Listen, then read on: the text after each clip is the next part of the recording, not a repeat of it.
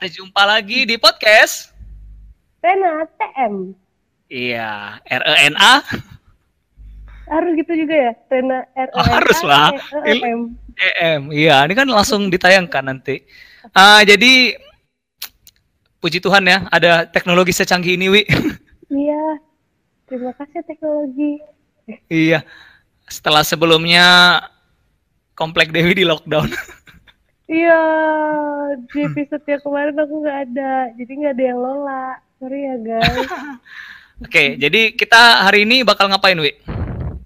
Hari ini kita karena udah ada teknologi, eh, kita mau wawancarain salah satu HKBP yang terbentuk di luar negeri.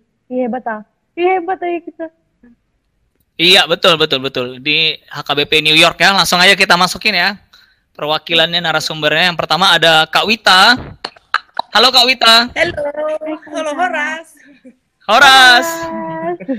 Dan berikutnya ada Situ Sintua Cornel Sitorus. Halo, Horas. Halo Horas. Oke, jadi ya eh, ini mungkin untuk Kak Wita dan eh, Lae. Ah, Ini juga pengalaman baru buat kami. Sebelumnya kami podcastnya rekam offline. oh gitu, sama Oh, kita iya. juga pengalaman baru sebenarnya. Oke. Oh, oke. Karena kan gereja kan nggak ada ibadah dan semua kegiatan kategorial juga di ini kan dibatasi kan. Kami nggak bisa ngumpul di gereja daripada program ini nggak jalan. Ya dengan teknologi yang ada lah. Working from home, Iya. Wah, podcast from home. podcast from home. Oke. Ya, eh, jadi pertama mungkin boleh diperkenalkan dulu nih narasumber kita. Eh, nama, kegiatan sehari-hari, terus gimana sih ceritanya orang Batak, terutama eh, narasumber sendiri bisa ada di New York. Mungkin dari Laye Sintua Dari- dulu. Dari yang senior dulu deh. Oh, oke. dari Kawita. Oke, eh, nama saya um, Wita Pagan. Saya Borusi Tepu. Um, wah, unik ya di New York ada orang Karo yang masuk ke HKBP. Tapi itulah kelebihannya HKBP New York for everybody kan. Oke, eh, saya mulai tinggal di New York itu sejak tahu eh, menetap eh, dengan permanen itu dari tahun 1992. Jadi udah hampir 28 tahun di sini. Eh, kegiatan saya sehari-hari di sini apa saya kerja eh, di bank ngurusin uangnya orang bukan uang sendiri. Jadi gitulah kira-kira ke apa kegiatan eh, apa saya di sini. Apalagi tadi ya apa yang harus dikasih tahu? Gimana ceritanya bisa ada di New York gitu? Oh, Mungkin sejak kapan? ceritanya bisa ada di New York dulu waktu saya kuliah saya ngambil sastra Inggris. Setiap ada liburan semester ke sini, apa singkat cerita begitu sudah tamat ya saya kelihatannya suka untuk tinggal di Amerika dan akhirnya saya ke sini dan menetap di sini, menikah di sini.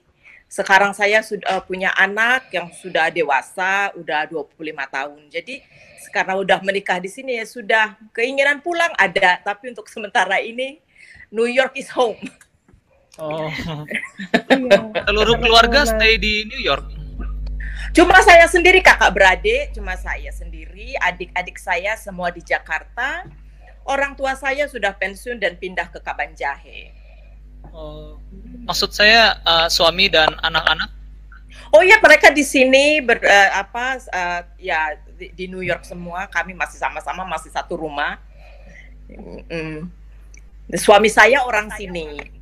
Oke. Ya. Iya, mungkin berikutnya eh, Lai. Oke, ya saya eh, setelah tamat dari kuliah dari Binus tahun 2001, kemudian tahun 2002 tepatnya bulan April datang ke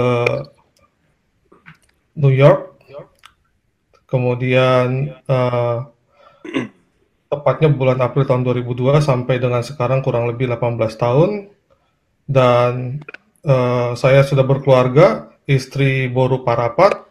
Kita bertemu di kota Philadelphia dan menikah pada tahun 2010 dan setelah itu uh, dia pindah mengikut saya ke ke New York. Dan hari-hari yang saya kerjakan pada saat ini saya bekerja di bidang IT kurang lebih sudah se 12 tahun lah di perusahaan yang saya geluti sekarang di bidang database management. Kemudian uh, keluarga uh, keluarga sendiri tidak ada, hanya saya, tapi saya ditemani ada sepupu saya marga Sipombing. Nah, jadi mungkin uh, itulah mungkin perkenalan yang bisa saya beritahukan kepada kita semua. Wah, sudah lama semua ya tinggal Iya, di- sudah. Nah, berikutnya gimana, Wi? Oke, aku mau nanya ya.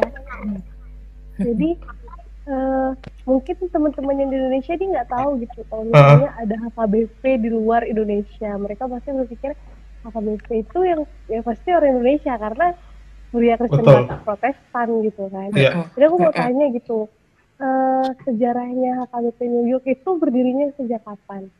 Silakan, Kak.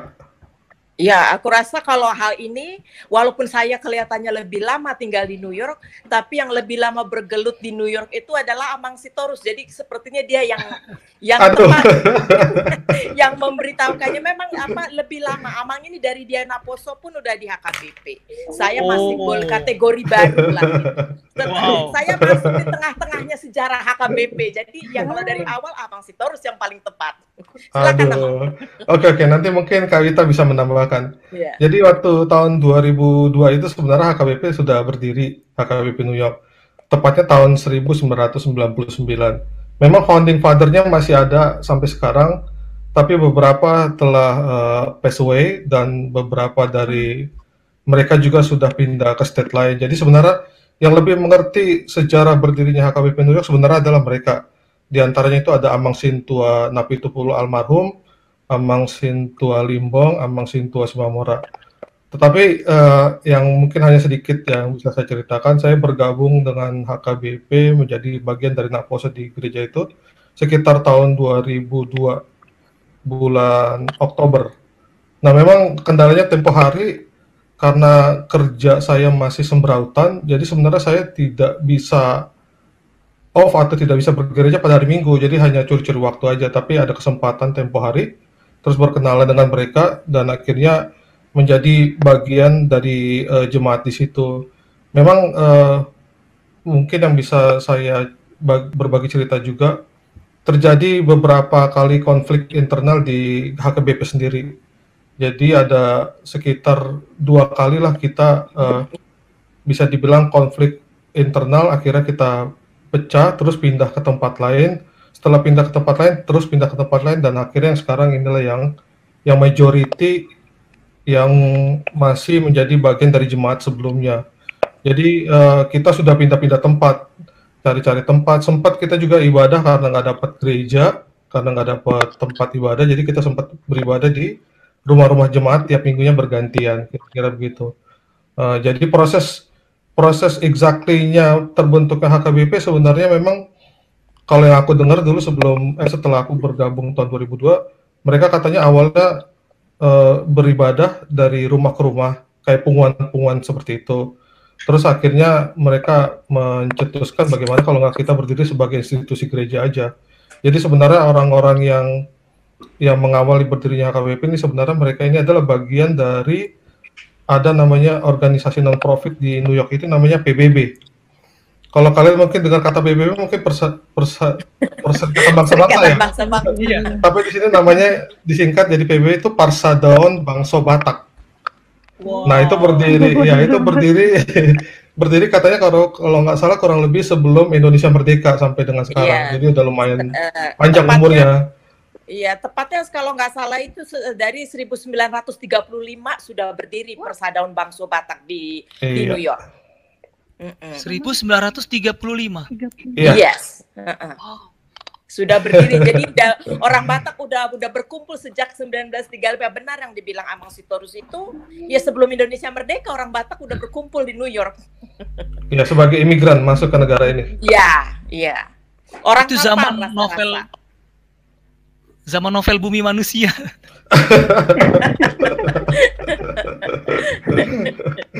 So, sorry, Le, tadi Iya. HKBP New Yorknya dari tahun berapa? 99, 1999. 1999. Iya. Iya. Lalu Amang eh, Hah? kan kalau misalnya mau eh, mau mendirikan gereja gitu kan, Iya. maksudnya itu persekutuan gereja gitu kan? Betul. Itu Mm. ada proses administrasinya gitu nggak sih sana? Sebenarnya kalau administrasinya mungkin eh, Indonesia dengan eh, Amerika Serikat mungkin agak ber- agak berbeda ya secara administratif. Kalau di sini mungkin untuk mendirikan bre- gereja aku rasa nggak terlalu sulit. Hanya tinggal eh, apa namanya mengumpulkan beberapa orang, terus kita mendaftarkan diri sebagai institusi gereja dan gereja itu bisa berdiri langsung pada hari itu juga. Nah, mungkin Inang kita bisa menambahkan lah proses eh, ininya. Iya, karena waktu ya eh, dan di situlah pada waktu kita eh, apa pindah ke eh, eh, keluar dari gereja ya karena ada konflik seperti yang Amang Sitorus bilang.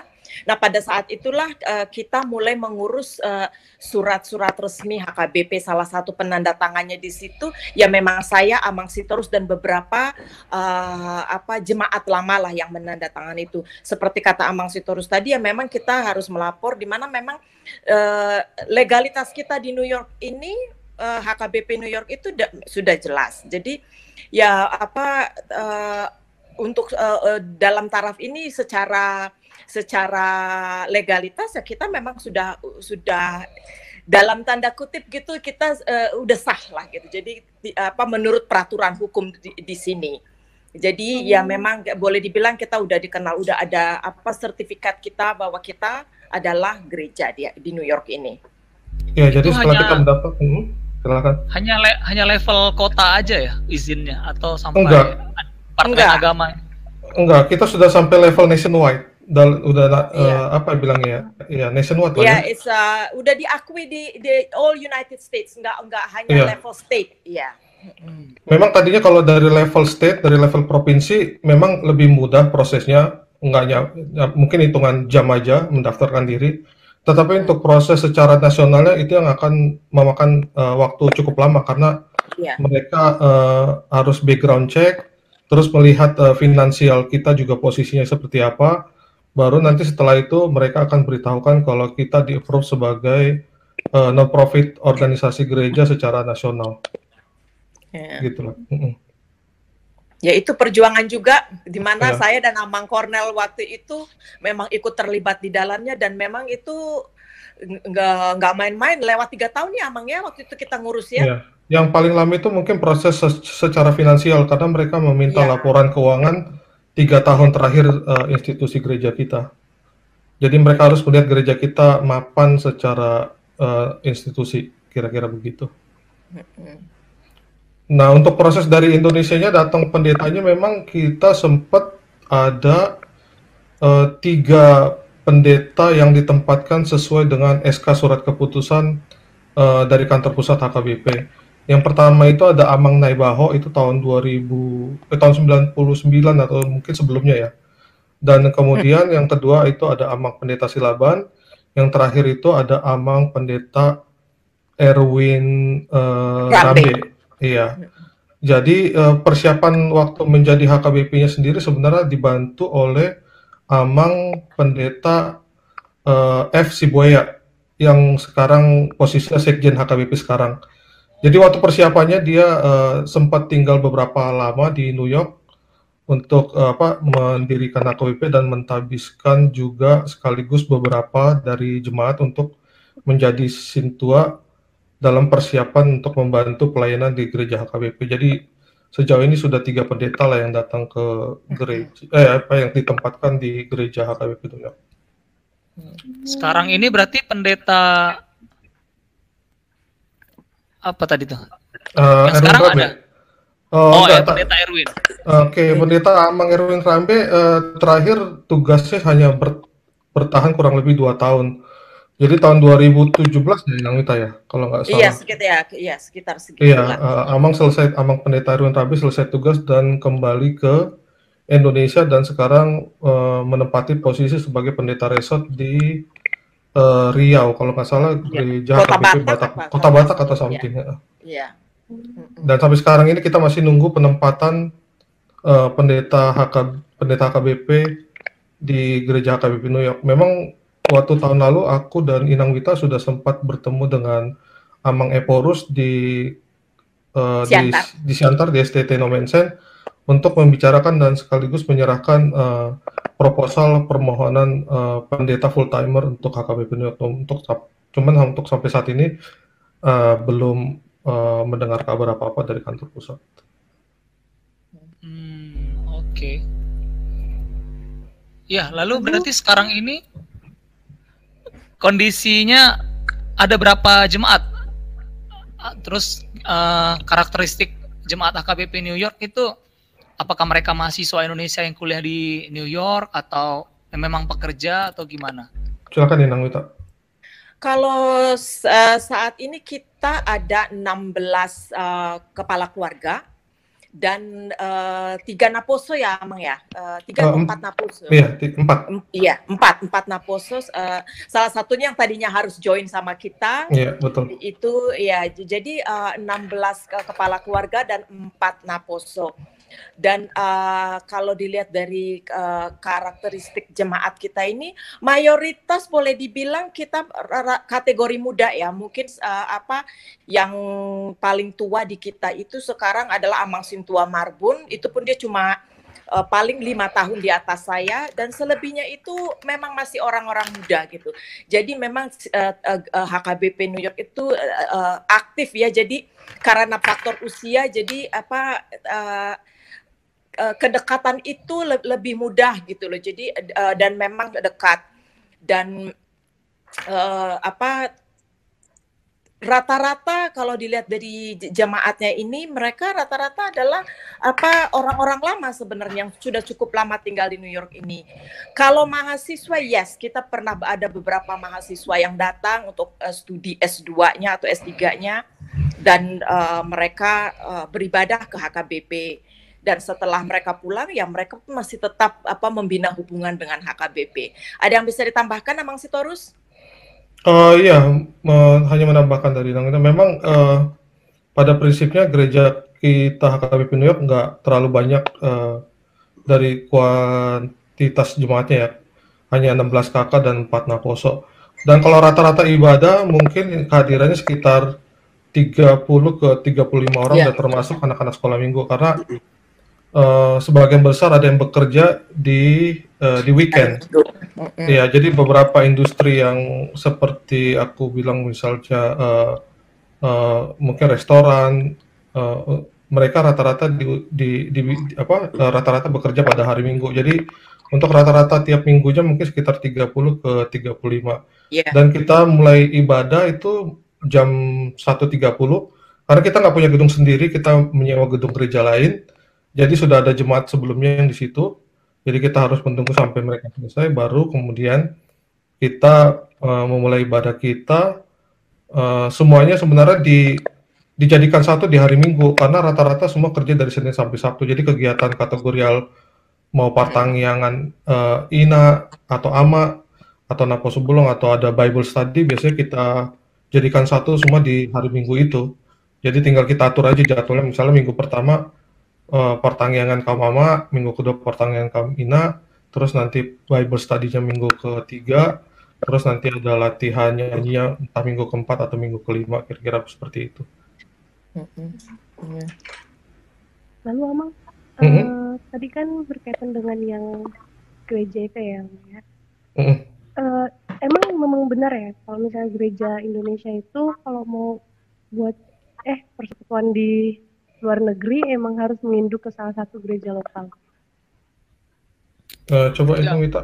Eh, eh, Maksudnya- kenapa kenapa? Maksudnya aku pernah lihat seperti contoh di Malaysia HKBP Kuala Lumpur, dia Hmm. memang beribadah di gedung gereja Metodis Tamil apa gitu ya. Mm-mm. Nah, dia seperti ada di bawah naungan organisasi gereja Metodis itu. Dia tidak punya uh, organisasi tersendiri gitu. Uh, kalau di New York bagaimana? Kalau New York, eh, apa HKBP New York itu adalah institusi tersendiri.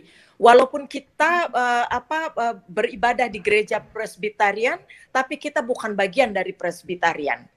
Jadi kita punya institusi sendiri. Uh, kenapa kita, uh, kita boleh dibilang kalau secara ininya lah apa kalau secara uh, apa istilah bisnis gitu, kita ini sebenarnya hanya penyewa gedung di situ, tapi uh, tapi ajaran mereka tidak mempengaruhi ajaran kita, teologi mereka ya teologi mereka gitu. Uh, cuma kalaupun kita ada uh, kerjasama dengan mereka, ya kerjasama umpamanya seperti perawatan gereja, Natal atau ada kegiatan-kegiatan uh, apa uh, Natal Paskah kita kita bergabung kita uh, ikut berpartisipasi seumpamanya menyumbangkan kor hanya sekitar, uh, sekitar itu dan kita tidak terikat dengan uh, gereja mana pun di sini. Memang kalau nggak kalau nggak salah ada yang uh, seterusnya gereja HKBP yang menjadi bagian dari uh, uh, gereja lain. Tapi untuk New York kita uh, berdiri sendiri walaupun kita ber, beribadah di gereja lain tapi kita uh, apa organisasi tersendiri. Ya menambahkan uh, uh, Kawita, sebenarnya uh, institusi HKBP uh, menjalin kerjasama dengan uh, institusi uh, gereja di Amerika yaitu ELCA atau biasa orang bilang LK, Evangelical Lutheran Church of America. Nah, secara keseluruhan gereja HKBP di United States itu ada di empat state, California, Colorado, New York, oh maaf, tiga state, California, Colorado, state, ya. ya California, Colorado, hmm. dan New York.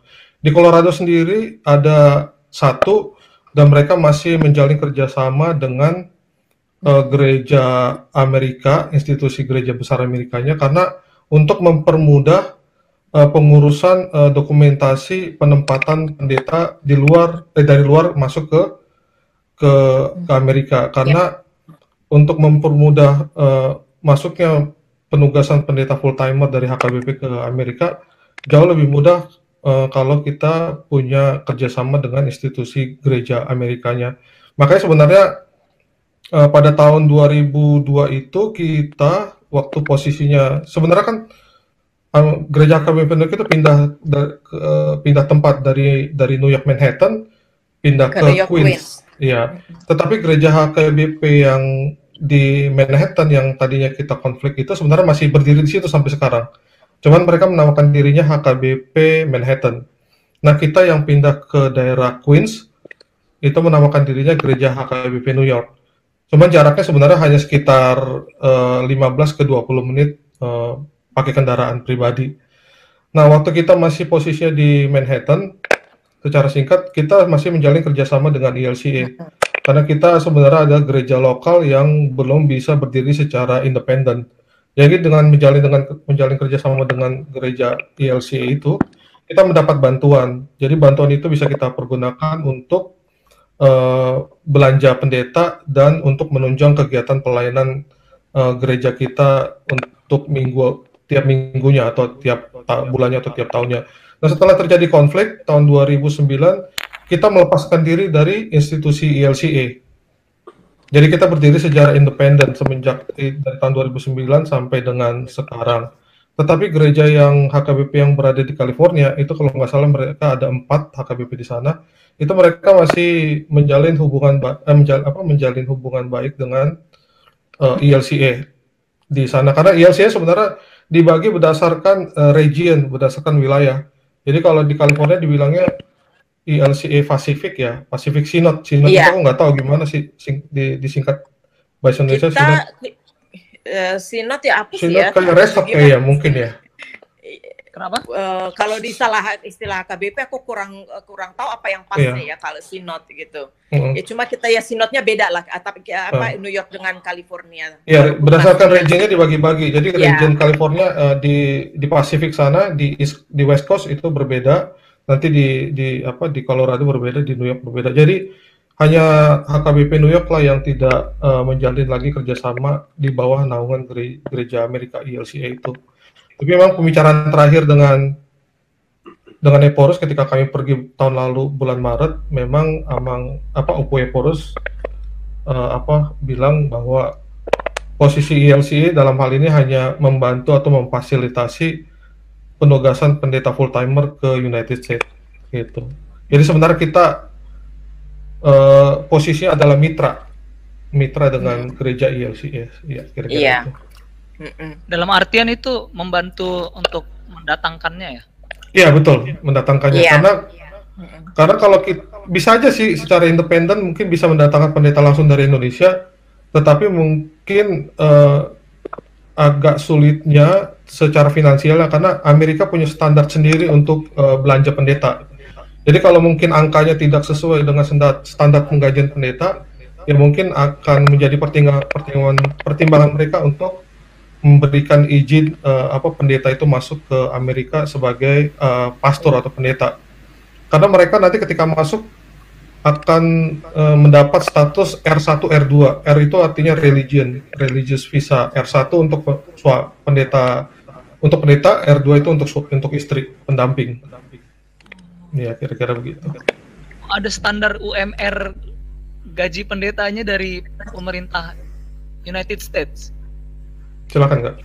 Iya itu eh, mereka punya apa ini berdasarkan yang kami apa lihat di ini ya karena ya seperti eh, seperti turis mau masuk ke Amerika kan ah, ada- waktu kita mem- memohon visa itu mereka kan pasti minta apa eh, apa eh, dukungan finansial kita untuk memasuki United States.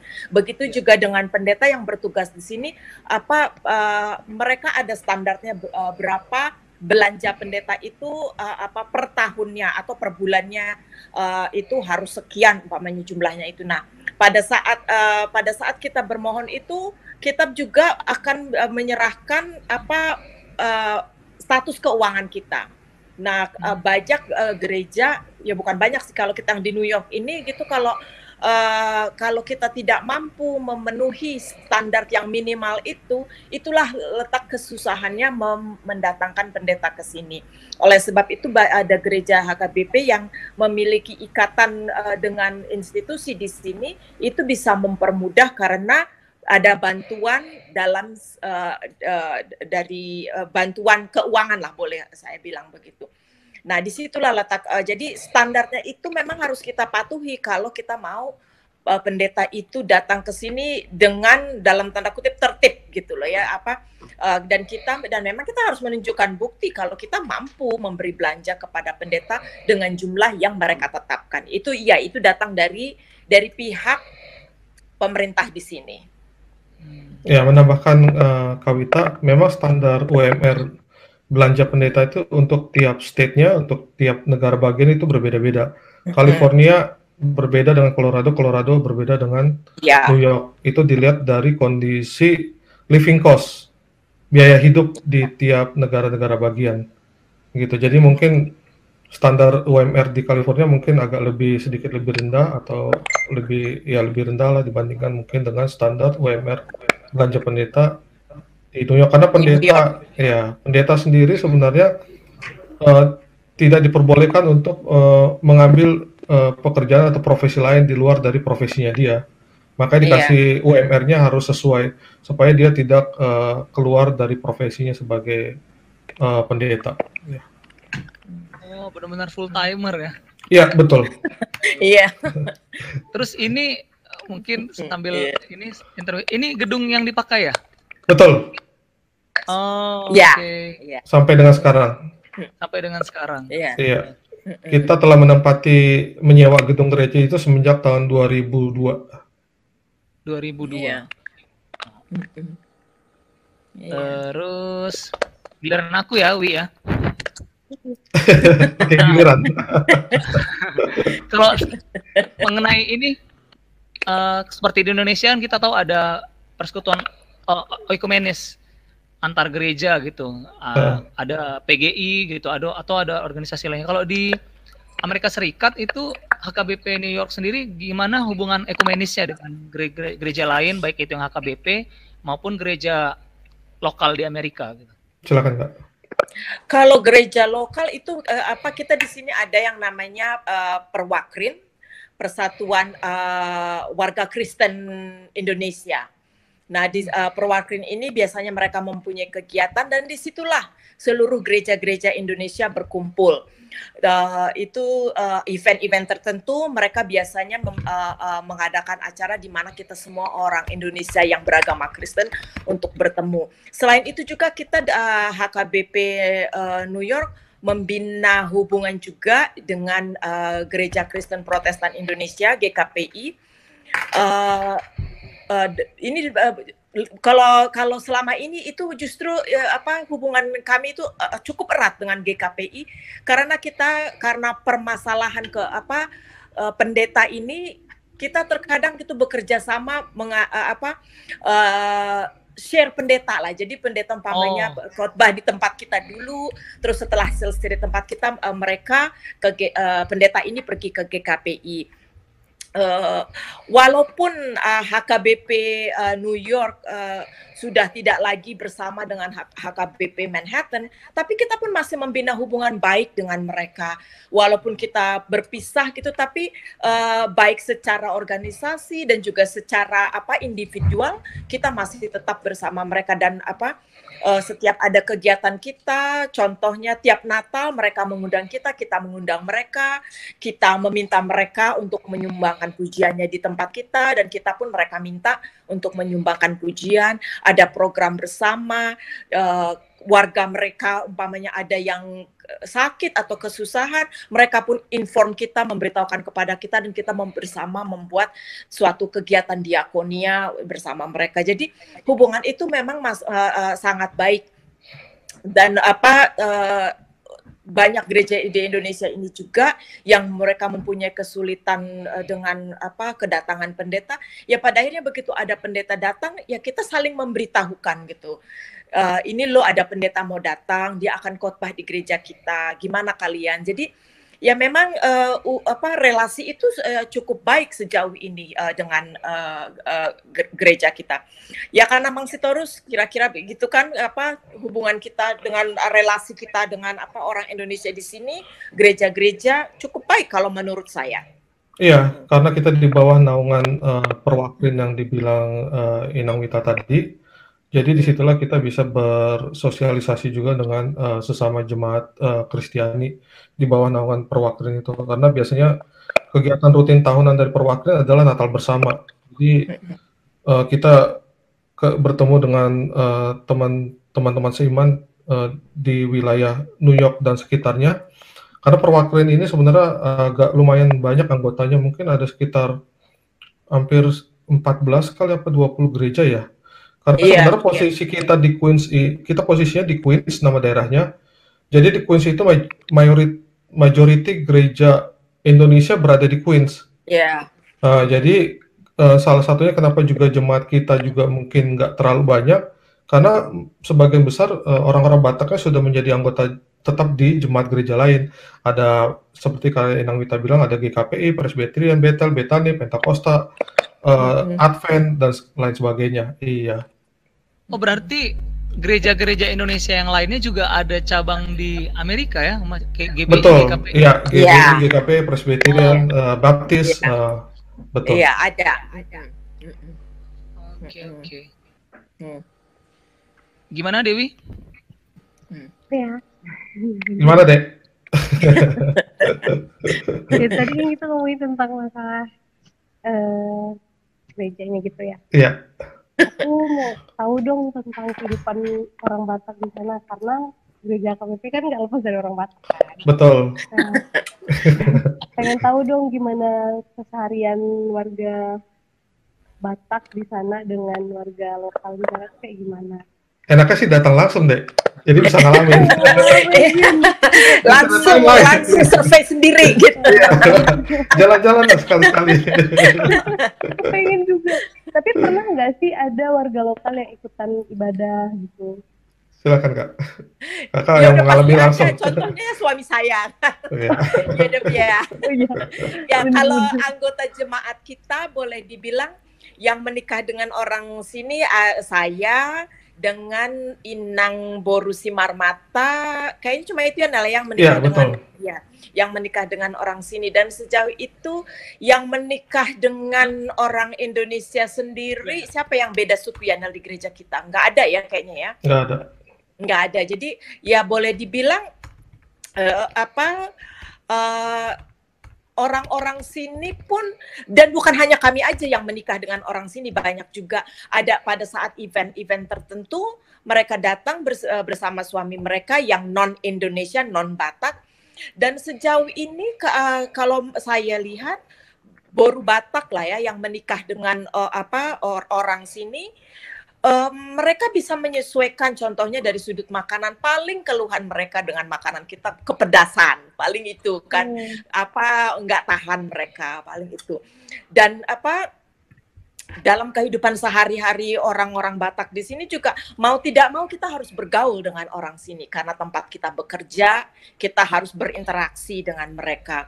Jadi ya apa eh, memang eh, eh, ya kita harus berinteraksi karena kita di negara orang kita di perantauan gitu kalau apa kalau kita nggak nggak nggak bisa berinteraksi dengan orang lain kalau menurut pendapat saya di New York ini akan susah kita kalau kita tidak bisa bergaul dengan apa orang-orang lain di sini. Jadi memang apa penting apa eh, interaksi kita pun dari individualnya lah ya kita, apa memang kita boleh dibilang ke eh, apa jemaah KBP itu cukup eh, apa eh, easy going lah gitu keluar mereka eh, bisa.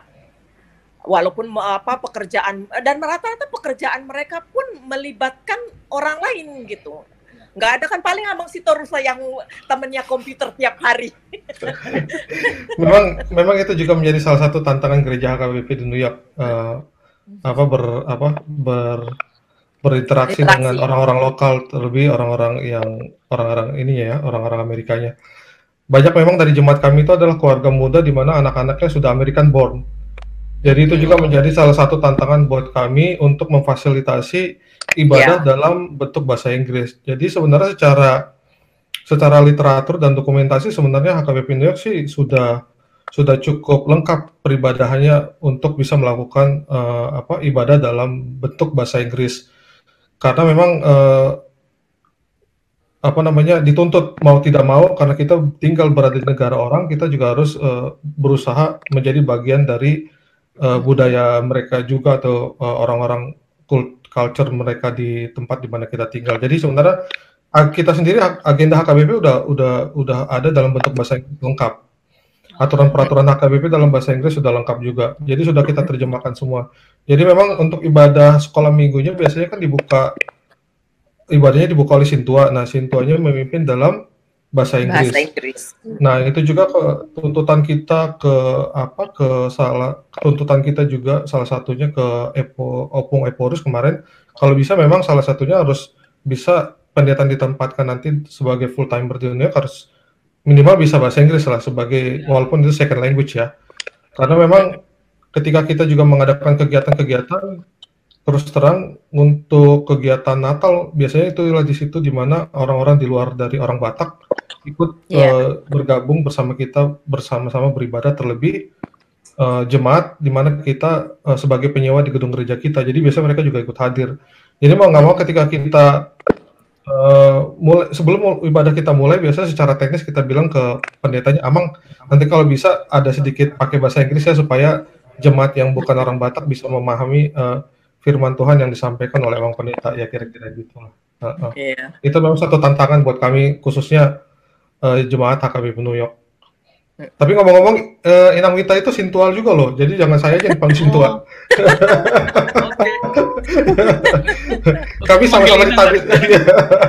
ya kami sama-sama ditabiskan ya Iya sama. Oh. belajarnya bareng tabisinnya bareng Betul, kami orang kami ya kami dua yang Sinto yang paling muda loh ya Iya paling muda, betul.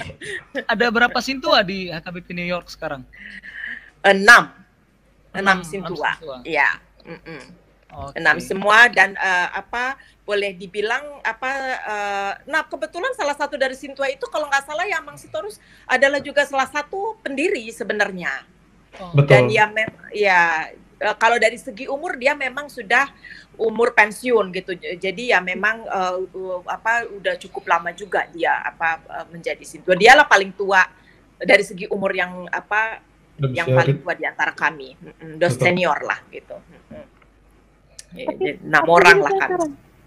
Aku mau Apa tuh? Sebelum lupa ya, sebelum lupa. Nanti lupa nih. Tapi bang juga jangan ketawa ya. Heeh. Pakai bahasa Batak nggak apa-apa deh.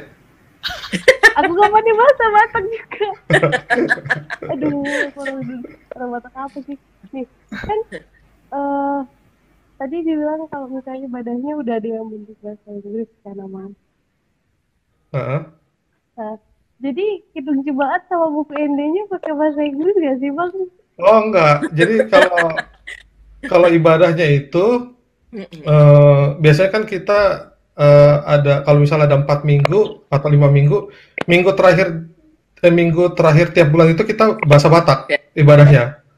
Iya. Nah, tapi kalau minggu pertama sampai minggu ke ketiga atau minggu keempat kita pakai kidung jemaat. Dan panduan lagunya masih tetap mengikuti dari Indonesia. Biasanya dari Impola ya, gitu loh. Panduan fotumnya, pengakuan dosanya, eh, epistelnya, sama khotbahnya. Iya.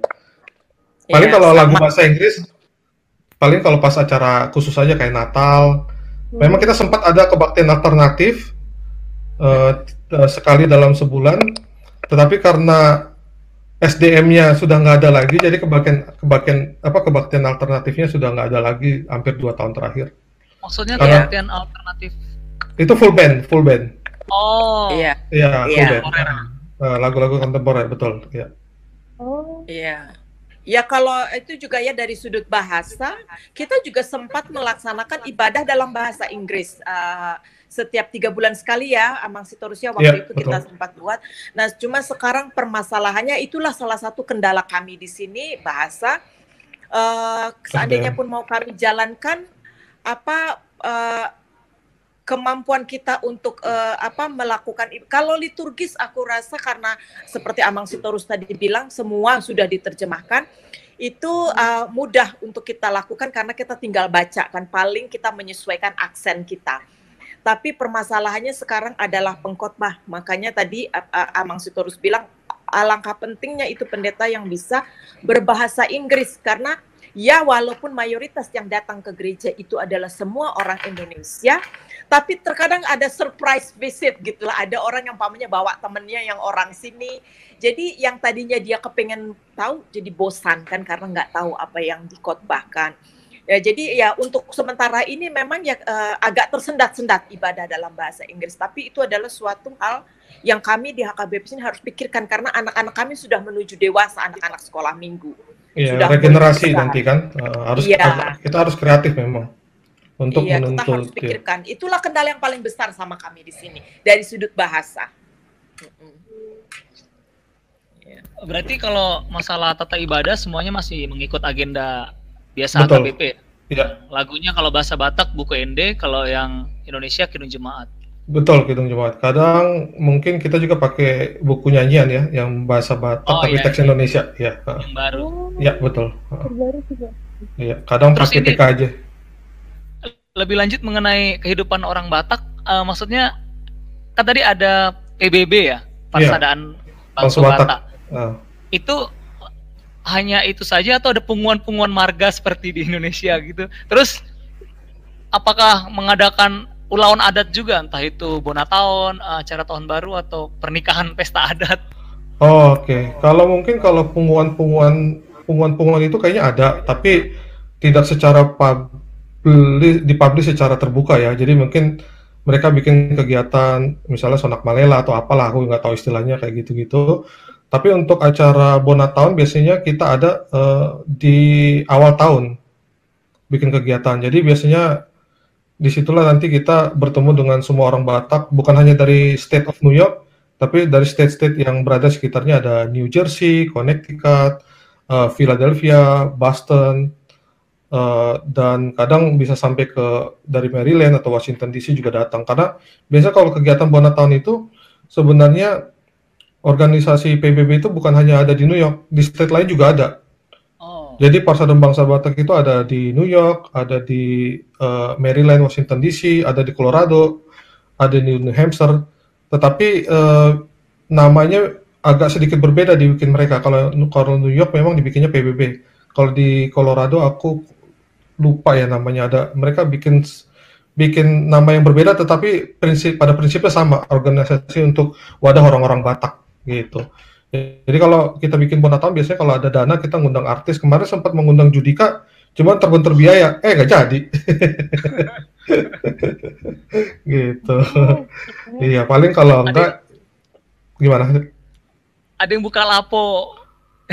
Enggak, kalau makanan khas Batak paling di di acara-acara tertentu aja ya seperti Bonataon atau misalnya kayak di gereja kami biasanya setelah ibadah kita kumpul di apa di social hall di aula biasanya kita nanti uh, bawa makanan khas Batak itu untuk acara-acara tertentu. Misalnya ulang tahun perkawinan atau ulang tahun yang uh, ulang tahun misalnya ulang tahun biasa ulang tahun biasa aja gitu ya. Atau yeah. mungkin pas lagi ada tamu undangan misalnya ada ada orang datang dari New York misalnya orang penting lah. Misalnya kayak kemarin sempat datang kayak Amang Sekjen. Nah kita provide makanan khas Batak seperti gitu kira-kira oh, okay masak masak sendiri berarti ya? Masak sendiri. Kita dituntut oh. bisa masak sendiri. Saya aja udah bisa masak sekarang. Oh. Tadi hanya bisa masak air. Ah. uh, ini kan bergaul dengan warga sekitar ya. Mm Terus kan kalau aku sering lihat berita di Amerika mungkin sejak dulu tapi beberapa tahun belakangan ini memang beritanya lumayan banyak mm. uh, banyak kasus rasisme ke warga Asia khususnya. Oh iya, memang aku sempat dengar juga sih. Bagaimana? Iya. Apakah hmm. terdampak juga atau gimana? Kalau uh, kalau kalau aku pribadi ya, karena sebenarnya New York ini kotanya orang imigran. Oh, uh, iya. Jadi dari, dari semua negara ada di New York ini. Jadi untuk masalah rasisme secara pribadi sih aku uh, belum apa namanya belum belum pernah mengalami hal-hal yang tidak mengenakan ya. Begitu juga jemaat kita atau teman-teman di lingkungan kita lah. Jadi mungkin itu untuk di di daerah lain kali kayaknya, Ber. Kalau saya secara pribadi nggak pernah gitu ya, karena mungkin ke uh, apa keberuntungan saya itu pertama kali datang ke Amerika ini langsung ke New York. Jadi imigran itu memang ya ya di sini semuanya gitu loh. Jadi apa uh, warna kulit kita, model rambut kita nggak jauh beda dengan populasi yang ada di New York ini gitu. Jadi bu, uh, nggak sesuatu yang uh, apa uh, membuat kita agak agak takut karena warna kulit kita atau karena uh, bentuk tubuh kita itu enggak. Tapi kalau kita pergi umpamanya eh, jalan-jalan lah dulu ke state lain gitu, ya mungkin itu terasa sekali. Contohnya kalau kita agak ke selatan gitu ya mayoritas kalau nggak putih semua ya hitam semua jadi nggak kelihatan sekali perbedaan itu dan kita pun akan melihat perbedaan apa uh, perlakuan orang terhadap kita, cara melihat segala macam lah bisa terjadi. Tapi kalau di New York sendiri ya memang mayoritas itu adalah imigran gitu. Jadi apalagi di daerah lokasi uh, gereja kita itu boleh dibilang mayoritas imigran. Jadi kita nggak nggak bahkan ter, uh, kalau dengar omongan waktu orang tua saya datang ke sini dia sempat bilang lah kok ini nggak kayak di Amerika sih dia bilang gitu apa semuanya mukanya mirip aku semua dia bilang gitu jadi kalau saya secara pribadi bilang nggak terasa kalau kita kita itu berbeda dengan yang lain gitu loh kalau aku sih pengalamanku itu gitu Ya kayaknya tergantung dari uh, jumlah uh, orang lok orang orang orang pendatang ya sebenarnya. Mungkin yeah. karena New York majority pendatang, jadi iya. nggak yeah. terlalu terasa perbedaan rasis apa uh, perlakuan rasisnya yeah. dibandingkan dari negara bagian lain. Iya. Iya. Dewi? Aku mau nanya. Jadi kan kalau misalnya kita lihat data dunia ya, mm uh, New York saat ini tuh angka penyebaran COVID-19 itu lumayan yeah. gede. Betul. Nah, jadi uh, sekarang situasinya kayak gimana nih, terutama HKBP New York dalam uh, beribadahnya kah atau setiap okay. kegiatan gereja? Hmm. Kalau aku sendiri sebenarnya baru recover dari COVID-19. Wow. Iya. Aku ber- baru recover dari COVID-19. Memang eh, kejadiannya sih udah dari bulan Maret, tapi eh, puji Tuhan udah udah apa? Udah recover total, fully recover. Hmm. Eh, jadi semenjak eh, tanggal 15 Maret itu eh, tempat ibadah kita ditutup sampai dengan sekarang. Hmm. Nah, akhirnya kita eh, harus cari solusi, harus kreatif. Akhirnya kita melakukan ibadah secara online. Sempat tanggal 15 Maret itu kita live YouTube, tetapi setelah itu kita pakai aplikasi meeting Zoom. Oh. Iya. Iya, sampai dengan sekarang. Iya, kemarin tanggal 5 itu 5 April kita ibadah pakai meeting Zoom. Itu pembicaranya, pengkhotbahnya dari Chicago Amang Pendeta Mangasal Lumban Tobing. Itu pendeta HKBP yang sedang studi ngambil doktoral. Oh. Nah, kemudian ming- masuk di Minggu Pasion, ibadah Pasion hari Selasa, Rabu, Kamis, itu dipimpin oleh Inang Pendeta Diana Simajuntak dari HKBP California. Dia baru ditempatkan sebagai pendeta full timer di HKBP California. Terus kemudian hari Jumat Agungnya itu dipimpin kembali oleh Amang Lumban Tobing, kemudian Paskanya dipimpin Amang Tobing juga. Kita di pas di hari Minggu Paskanya ada dua kali ibadah, ibadah pasca subuh buah buah ijuk sama ibadah pasca di siang hari. Iya. Jadi Iya. semuanya itu udah online semenjak uh, pertengahan Maret itu. Iya, Apa? betul. Iya, jadi ya apa bisa di, bisa dirasakan ya buat kita apa warga HKBP itu di apa kesedihan kita dalam artian gini loh. Sudah satu minggu kita nggak ketemu eh, boleh dibilang eh, yang masih kerja gitu satu minggu kita berbahasa Inggris terus kerinduan untuk bicara dalam bahasa Indonesia bercanda itu jadi terpotong gitu kan. Ya gimana ya pandemik ini memang jadi apa membuat apa rasa persaudaraan kita pun jadinya gimana ya nggak seerat apalagi HKBP New York itu kalau dari dari sudut apa hubungan itu kan erat kita kita dekat sekali jadi ya memang gimana semuanya harus serba online. Mau ngobrol pun sekarang harus lewat online kan. Jadi ya apa sedih juga sih.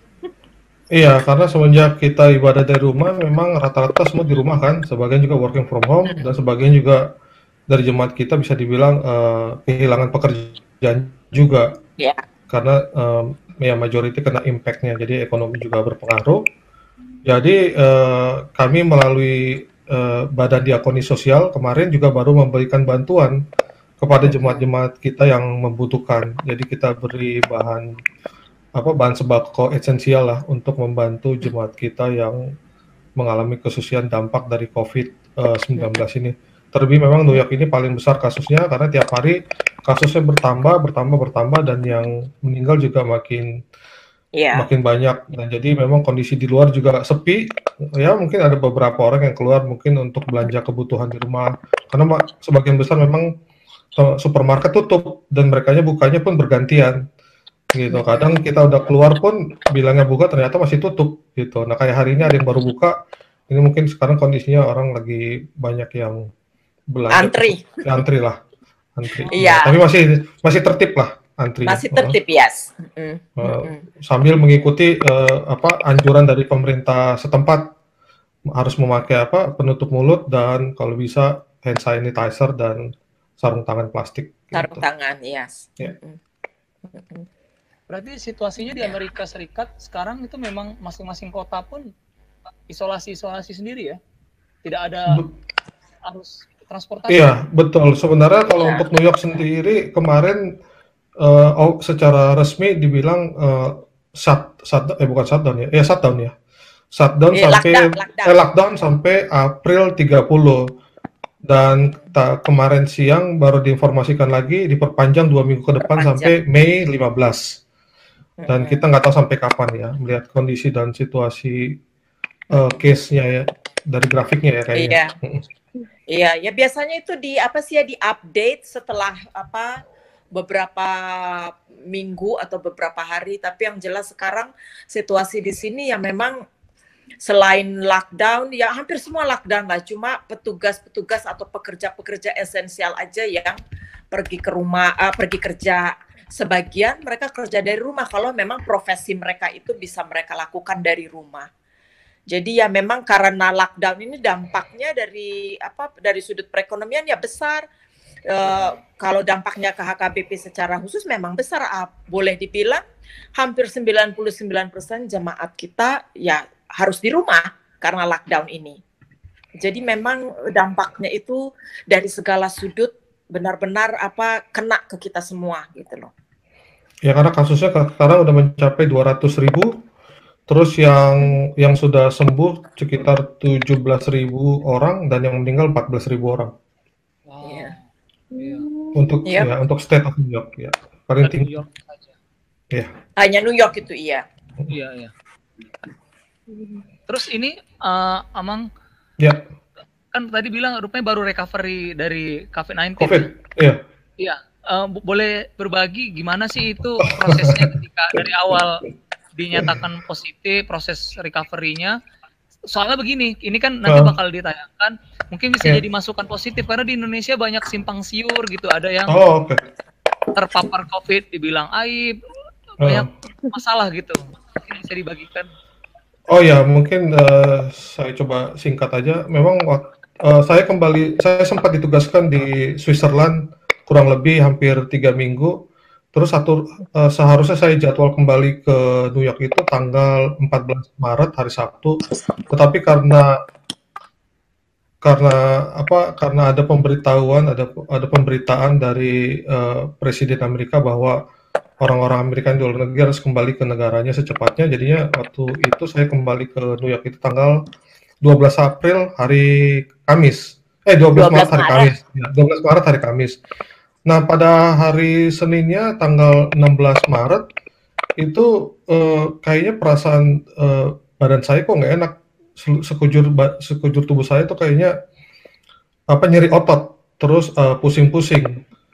Terus uh, hari Selasanya kemudian uh, penciuman saya sudah hilang dan saya tidak bisa merasakan makanan sama sekali.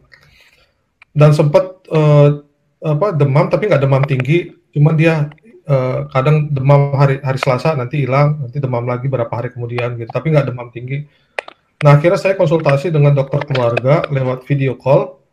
Terus saya kasih tak, saya beritahukan gejala-gejala yang saya alami.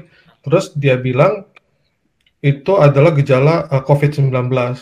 Terus saya bilang ke dokter saya, apakah saya perlu datang ke rumah sakit untuk tes darah? Terus dokter bilang, nggak perlu karena simptomnya masih ringan, karena gejalanya masih ringan. Karena yang diprioritaskan untuk dites itu adalah yang benar-benar sudah positif atau yang sudah memang mengalami gejala akut COVID-19. Jadi waktu itu dokter saran uh, untuk uh, karantina sendiri dan uh, coba untuk apa namanya uh, minum air uh, putih yang banyak, terus uh, mengkonsumsi vitamin-vitamin untuk uh, apa namanya uh, menambah st stamina badannya kembali ke normal. Nah akhirnya saya menco melakukan apa yang dianjurkan dokter. Jadi saya tidur terpisah dengan dengan uh, istri kurang lebih seminggu dan seminggu itulah akhirnya berangsur-angsur uh, pulih dan akhirnya pada minggu hampir jalan hampir 10 hari ya saya bisa dikatakan sembuh walaupun memang sebenarnya saya perlu tes lagi untuk memastikan bahwa itu benar-benar sembuh completely sembuh dari COVID-19 cuman dokter bilang untuk saat ini kamu sebenarnya sudah sembuh jadi hanya uh, usahakan jangan terlalu banyak keluar dari rumah kalau memang tidak terlalu penting. Iya gitu. Jadi nggak usah panik uh, dengar aja kata dokter dengar kata pemerintah terus usahakan ikuti anjuran yang dianjurkan oleh pemerintah dan dokter kita gitu. Betul. Dan dan mengkonsumsi makanan acupan yang yang cukup lah kalau bisa. Iya. Yeah. Wow, tanpa tanpa rumah sakit ya, Bang ya? Tanpa rumah sakit ya, karena gejalanya masih ringan ya. Kebetulan nggak yeah. sampai demam tinggi dan tidak sesak napas. Ya sebenarnya apa kalau menurut aku karena yang bikin bahaya itu apa pertama kali itu kepanikan kita. Kita lebih yeah. dulu panik gitu. Pada apa ya ya wajar sih sebenarnya panik ya karena dalam situasi pandemik seperti ini. Tapi sih memang apa uh, seperti yang dibilang tadi Amang Sitorus, jemaat kita juga memang banyak yang takut dalam artian apalagi mereka sudah mulai batuk, terus eh, apa ada demam, tapi puji Tuhan sejauh ini ya apa jemaat tenang gitu, apa mereka ya beristirahat di rumah. Karena ya memang apa gejala-gejala yang dibilang Amang Sitorus itu juga saya alami. Tapi pada waktu saya ke dokter itu ya sepanjang dokter bilang katanya paru-paru saya clean bersih, nggak ada ya eh, yang nggak perlu ke rumah sakit. Nah, eh, eh, akhirnya saya seminggu di rumah seperti Amang Sitorus tadi bilang apa walaupun dokter bilang itu bukan COVID tapi kan kita mencegah. Jadi distance nggak lagi kita apa dekat-dekatan dengan suami dengan anak untuk Ya, social sementara. distance. Iya, jadi ya memang itu menolong gitu. Jadi eh, apa kepanikan itu ya sebenarnya yang bikin suasana jadi tambah tambah parah. Padahal sebenarnya masih bisa kita pun eh, apa menanganinya. Rumah sakit memang penuh, memang apa karena salah satu jemaat kita bekerja di rumah sakit dan memang dia sendiri pun stres melihat itu gitu. Tapi ya itulah dia pun selalu bilang terutama sama saya dia hampir check up saya tuh tiap tiap hari dan dia bilang kak makan ini ya minum ini ya nggak boleh keluar nggak boleh gini. Dan memang itu ternyata benar membantu gitu. Dan satu minggu ya kita udah udah enak lagi gitu. Poinnya yang pertama itu jangan langsung panik gitu. Kedua konsultasi dengan dokter. Apa dokter lebih tahu lah dari kita. Jadi ya kita, apa kita turutin lah apa kata dokter. Itu yang paling penting sih sebenarnya. Ya. Oke. Mm-mm. Wah ini udah satu jam tiga menit. Wow. Iya, aku juga baru sadar. Katanya ah, jadwalnya 45 menit, jadi satu jam.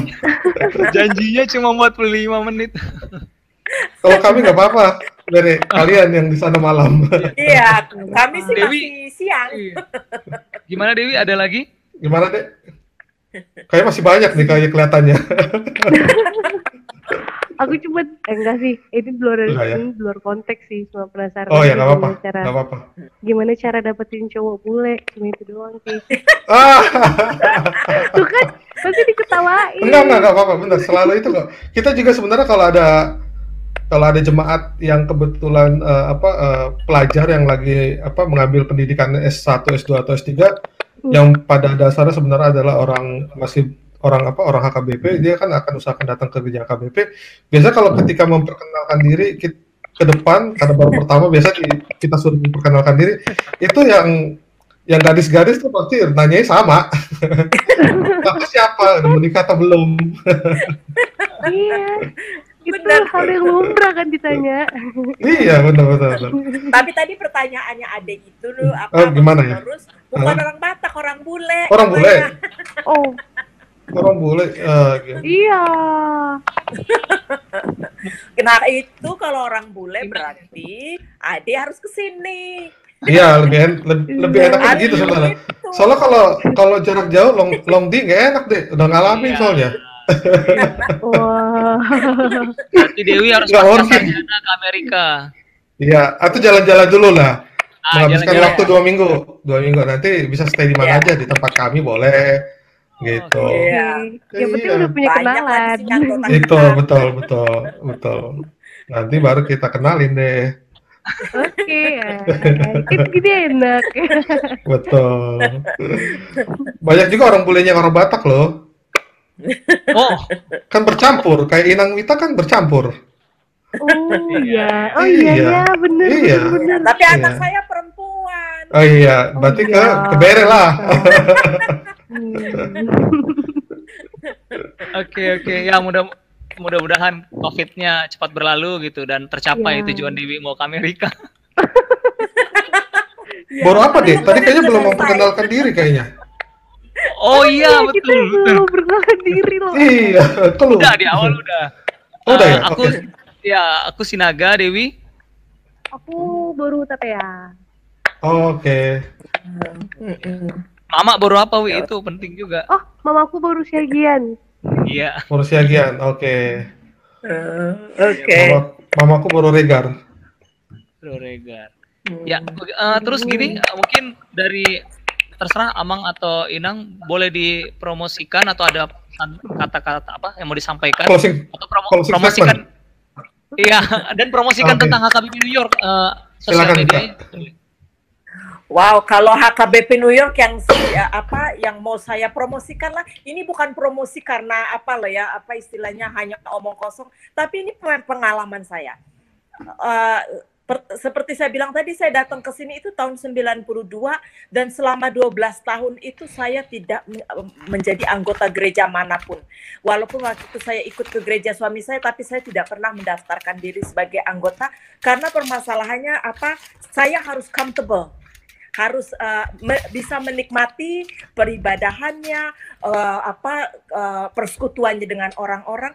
Dan saya uh, saya tidak merasa uh, nyaman di mana pun. Sekali waktu saya mulai bergaul dengan orang Batak, saya bertemu dengan uh, apa anggota jemaat dari HKBP mula-mula lah aku bilang ya dan mereka itu mendekati saya dengan baik dengan apa uh, uh, uh, apa persaudaraan yang tinggi. Dan itu yang membuat saya jadi berpikir saya ini nggak punya keluarga loh saya cuma punya satu uh, apa adiknya mama kandung di sini yang tinggal tapi berjauhan dengan saya sekarang. Jadi saya berpikir kalau ada apa-apa dengan saya ke mana saya akan pergi? Saya di perantauan cuma sendirian.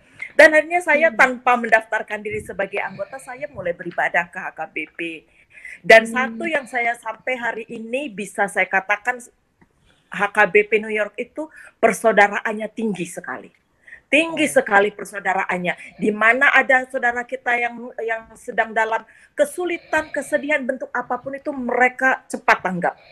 Jadi begitu saya lihat itu dan akhirnya saya mengatakan inilah saudara. Jadi HKBP itu buat saya bukan sekedar jemaat gereja, tapi itulah saudara-saudara saya, itulah family saya di sini. Dan saya menyebut jemaat HKBP itu family saya, keluarga saya gitu.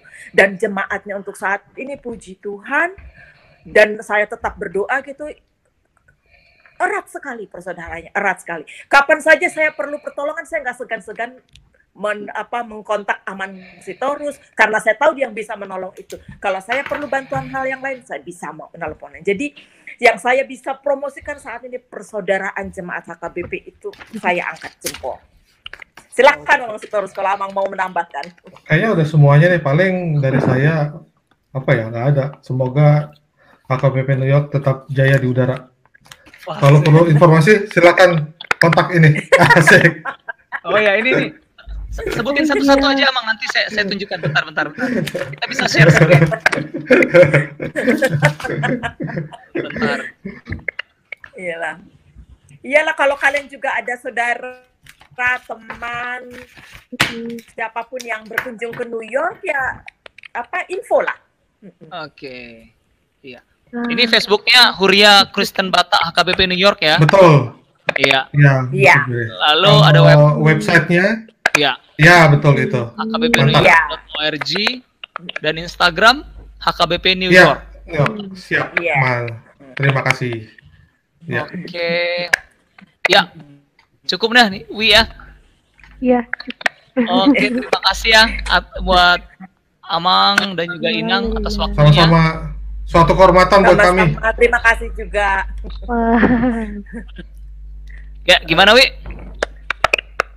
Uh, aku mau kasih pesan buat kamu sama Inal dan juga jemaat-jemaat di New York stay safe. Uh, jaga kesehatan ya. Mungkin kalau misalnya nanti ada yang dengar podcast ini uh, juga mm -hmm. New York yes. Uh, jaga kesehatannya uh, semoga selalu diberkati Tuhan.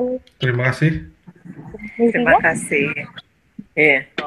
Yeah. ya Uh, sekian podcast Renata M episode 4 ngobrol bareng HKBP New York.